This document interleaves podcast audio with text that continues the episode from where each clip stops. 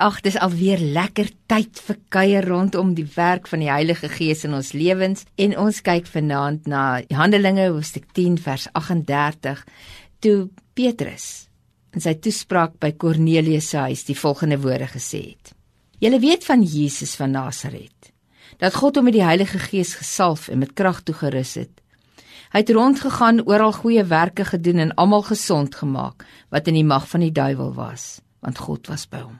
Vir die Nuwe Testamentiese gelowiges was dit duidelik dat Jesus 'n buitengewone bediening geleë was in die salwing en krag van die Heilige Gees. Jy sien dis die geboortereg van elke gelowige in Christus Jesus om in en deur die Heilige Gees te lewe. Ons hoef nie in eie krag te opereer nie. Waarom moet elke gelowige die salwing en die krag van die Heilige Gees in sy en haar lewe toelaat. In Jesus se belofte in Handelinge 1 vers 8, sowel as in die vervulling van daardie belofte in Handelinge 2 vers 11, is dit duidelik dat die teenwoordigheid van die Heilige Gees gewone mense kragtige getuies van Jesus maak. Waar die Heilige Gees werksaam is, word daar energie vrygestel. Ongelowiges word gered.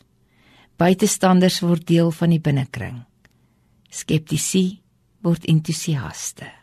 Nadat Petrus onder die leiding van die Heilige Gees begin leef het, lees ons in Handelinge 2 vers 4 dat dieselfde man wat te bang was om teenoor 'n diensmeisie te erken dat hy Jesus ken, met soveel krag bedien het dat 3000 mense tot bekering gekom het. En daarna het sy woorde en dade 'n kragtige uitwerking gehad. Wanneer Petrus vir die verlamde man by die tempel in Handelinge 3 vers 6 sê: "Geld het ek nie, maar wat ek het, gee ek jou. In die naam van Jesus Christus van Nasaret, staan op en loop." Is daar krag in sy woorde? Want die man staan op en hy loop. Die Heilige Gees wil jou ook 'n getuie met invloed maak. Hy stel jou in staat om gemaklik en spontaan van God se groot dade te vertel. Hy verander jou in iemand wat nie kan stil bly oor Jesus Christus nie. Heilige Gees, ek wil nie een enkele oomblik langer verspil op leë woorde of 'n kragtelose gebedslewe nie.